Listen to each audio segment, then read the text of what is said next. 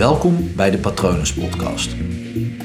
Mijn naam is Paul Vet en in deze podcast deel ik inspiratie voor een leven vol vrijheid en verbinding.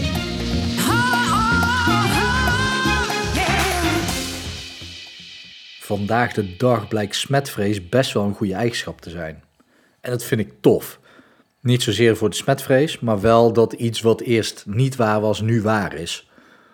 En ik sla het natuurlijk helemaal plat. Maar op het moment als jij last had van smetvrees, je doet natuurlijk smetvrees, maar goed, als je daar last van had, dan heb je daar nu geen last van, want nu komt het je uit. Sterker nog, de kans dat als je smetvrees hebt, dat je besmet raakt met corona, die kans is gewoon vele malen kleiner. Dus dat is eigenlijk een topcompetentie om te bezitten. En dat vind ik tof, hè, dat, dat iets ehm, langs twee kanten bekeken kan worden, of langs meerdere kanten. Dat doe ik natuurlijk wekelijks met Merel in Dwarsliggers de podcast ook. Proberen we ook dingen van andere kanten te belichten. En ja, dat doet me denken aan, aan eigenschappen van mensen die voor de een positief zijn, maar voor de ander negatief. En dat is misschien ook wel interessant om te kijken naar je eigen eigenschappen die je, ja, waar je misschien van baalt, die je gewoon niet zo tof vindt. En dat je dan eens gaat kijken van, hé, hey, maar hoe zou ik het positief kunnen benoemen? zo had ik vandaag een cliënte en haar werd verteld dat zij aarzelde en onzeker was. En ik zei, was je niet gewoon ontwapenend? Ja, moest ze, moest ze wel om lachen natuurlijk. Op een ontwapenende manier. Niet aarzelend, wel ontwapenend. En ja, zo kan je het dan ook zien. En op het moment dat jij bijvoorbeeld een pleaser bent, voor de een is dat pleasen in de negatieve zin, voor de ander is dat gastvrij. Ja, het is maar net, net hoe je dat ziet. Gastvrij zijn is natuurlijk weer een hele goede eigenschap om te hebben. Tenminste, dat is voor een ander misschien weer negatief. Jezus, die is altijd uh, de gastheer of gastvrouw. Ga eens lekker zitten, joh. dat doet me wel aan bepaalde personen denken. Ik vind het dus gaaf dat, dat dingen um, kunnen veranderen op het moment als jouw perspectief verandert. Of als de omgeving verandert. Nu is de omgeving veranderd door middel van een virus. Dus smetvrees, oftewel voorzichtig zijn en ervoor zorgen dat je niet besmet raakt, is gewoon slim om te hebben.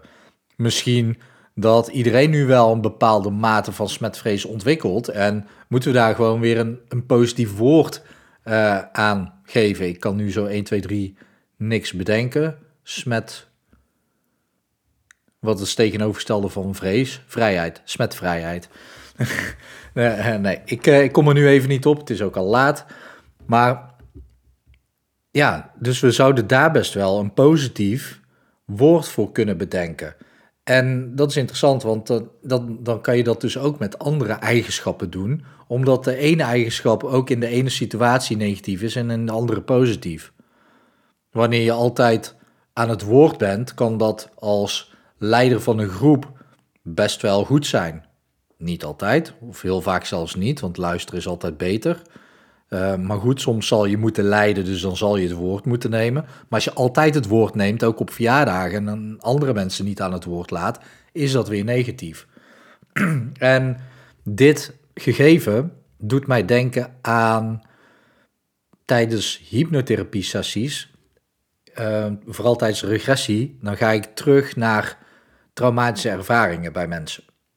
En natuurlijk gaan we alleen maar daarna terug om dat op te lossen, om de emotie die erop zit, om dat trauma weg te halen.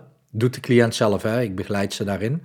En dan gaan we dus terug naar het moment dat dat trauma heeft plaatsgevonden. Maar wat we dus doen is, iemand toont hier in het nu bepaald, vertoont bepaald gedrag. Dus iemand reageert in een bepaalde situatie boos of misschien zelfs agressief of angstig en onzeker.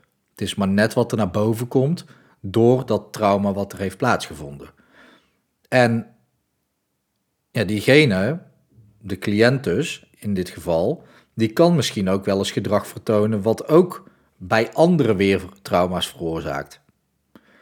Op het moment als we dus teruggaan naar het moment dat er bij iemand anders, een of bij de cliënt in dit geval, een trauma is veroorzaakt, uh, dan kan je erover eh, twisten of dat, dat is veroorzaakt of dat diegene dat zelf doet. Want je slaat een trauma op in je eigen lijf, dat doe je zelf. Maar goed, dat is voor een andere, andere aflevering. Maar dan gaan we dus terug en dan... ehm, wat we dan gaan doen is het sowieso wegpoetsen, de emotie. Maar daarna gaan we de persoon of personen die daar waren of hadden moeten zijn... terwijl dat trauma werd opgedaan, gaan we eerst... tenminste de cliënt gaat zijn of haar hart luchten... gewoon alles eruit gooien. Maar daarna gaat de cliënt de persoon of personen vergeven. En zoals je wellicht inmiddels weet, vergeven doe je voor jezelf, niet voor de ander. En de cliënt zit natuurlijk bij mij in de stoel om zelf van dat trauma af te komen, dus voor zichzelf. Dus het vergeven van de personen die daar waren bij het oplopen van dat trauma, die kan je dan vergeven omdat het jezelf helpt. Maar als je dan teruggrijpt naar, oké, die cliënt vertoont nu bepaald gedrag door een trauma wat eh, de cliënt is aangedaan, dan zou je ook kunnen kijken, en dit gaat voor sommige mensen te ver, hè? maar ik, ik, ik zie het wel zo, het helpt namelijk om het zo te zien, dat degene die het trauma heeft ver- veroorzaakt bij de cliënt, die heeft misschien ook wel, de kans heel groot, iets meegemaakt, een traumatische ervaring, wat ervoor zorgt dat diegene dat bepaald gedrag is gaan doen. Nu ga ik er meteen bij zeggen, dat gedrag is niet goed, keur ik niet goed, dat wijs ik af. Maar ik kan wel begrijpen dat als iemand, als diegene die dus een traumatische ervaring bij mijn cliënt heeft getriggerd, als diegene zelf een traumatische ervaring heeft meegemaakt, dan kan ik begrijpen dat daar bepaald gedrag uit voortkomt, wat bij iemand anders een trauma kan veroorzaken. Aangezien mijn cliënt die in de stoel zit, dat ook bij iemand anders doet. En dit zijn allemaal stelpraatjes, hè? Ehm, maar ik heb wel eens een cliënt gehad die ook wel eens iets bij iemand anders heeft aangedaan, wat best wel een traumatische ervaring kan hebben eh, zijn geweest. een traumatische ervaring kan ook iets simpels, maar heftigs als pestgedrag zijn op bijvoorbeeld de werkvloer. Maar goed, op het moment dat je dan zo gaat kijken en dan ga je dus naar de dader, want daar hebben we het dan over, gaan we dan kijken van, hey, die heeft zelf een traumatische ervaring meegemaakt. Daardoor is diegene een bepaald gedrag gaan vertonen, waardoor mijn cliënt een traumatische ervaring heeft meegemaakt. Ja, waar ligt dan de schuld? Dat is dan de vraag. Nu is het zo dat, dat ehm, kijk, strafrecht, eh, strafrechtelijk gezien kan je natuurlijk spreken over schuld en onschuld en zo. Maar het gaat erom dat op het moment dat jij dus iets hebt ervaren en het lukt je om degene die dat bij jou heeft getriggerd, of die jou dat heeft aangedaan, om het zomaar even te zeggen, om diegene te vergeven, dan help je daar jezelf mee. Sterker nog, op het moment dat jij een cliënt bent, we hebben het nu even over die cliënt bij mij in de stoel, die dus zelf een traumatische ervaring heeft getriggerd bij mensen. Op het moment dat je dat kan inzien, dat die cliënt dat heeft gedaan, dan kan je zelfs compassie tonen voor mijn cliënt dat hij dat heeft moeten doen. En moeten is natuurlijk overdreven, want je wordt niet gedwongen. Maar door dus een traumatische ervaring die die persoon heeft gehad, door iemand anders die een traumatische ervaring heeft gehad. En hoeveel generaties ga je dan terug? Dan kom je in oorlogen uit en heftige dingen die daar zijn meegemaakt. Dan kan je het dus ook super rot vinden.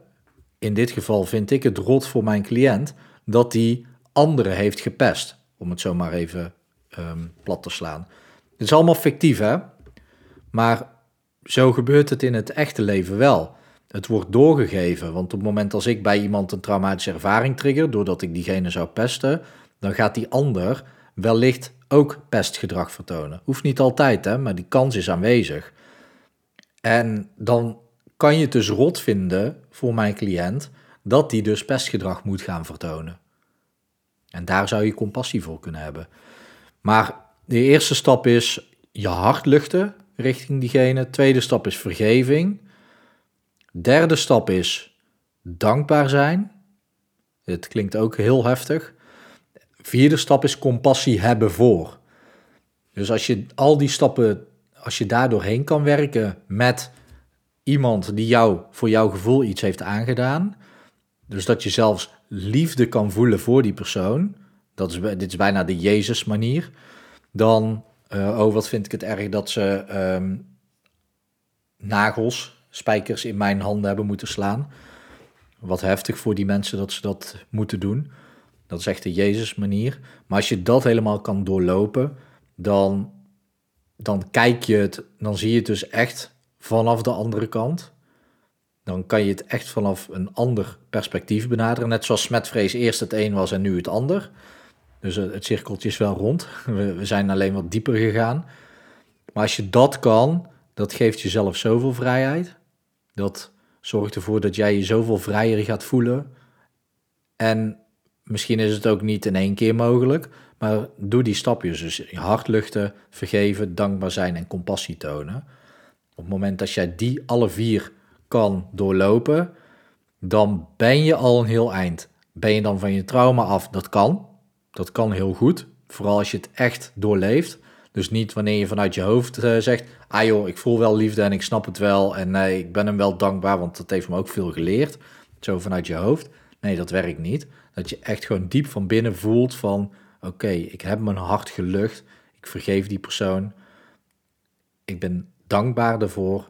En ik toon die persoon compassie. Als je dat echt intrinsiek van binnenuit kan voelen... dan kan je trauma zomaar opgelost worden. Mocht je dit toch heel lastig vinden en wil je echt met trauma's aan de slag, stuur me een bericht. Je kan me mailen naar patronen.palvet.com. Je kan ook even op mijn website kijken, www.hypnopal.nl. En daar kan je mij persoonlijk heel makkelijk een bericht sturen. En dan kan ik samen met jou kijken of dat ik de juiste persoon ben om ervoor te zorgen dat jij van je trauma afkomt. Want met trauma's rond blijven lopen, dat blokkeert je leven. En dat is zonde, want vrijheid en ontspanning, dat zijn toch wel hele belangrijke dingen om in je leven te kunnen ervaren. Uh, en ja, voor de anderen die niet zo diep uh, down the rabbit hole gaan, uh, bekijk dingen eens van de andere kant. Want het maakt je leven ook gewoon makkelijker en leuker. En op het moment dat je dat doet bij een vriend of vriendin en het eens van hun kant te bekijken, dan zoek je toenadering en zal je merken dat je makkelijker verbinding maakt met diegene. In plaats van uh, beide op je eigen eilandje te zitten en maar naar de andere kant te kijken. Echt roei even naar dat eilandje toe en ga eens vanaf dat eilandje kijken hoe dat, dat voor diegene is. Goed, hij is veel langer geworden dan de bedoeling was. Um, ik hoop dat het goed met je gaat. Ik hoop natuurlijk ook dat het goed gaat met dierbaren van je. En ik wens je natuurlijk ook nog een hele mooie dag toe.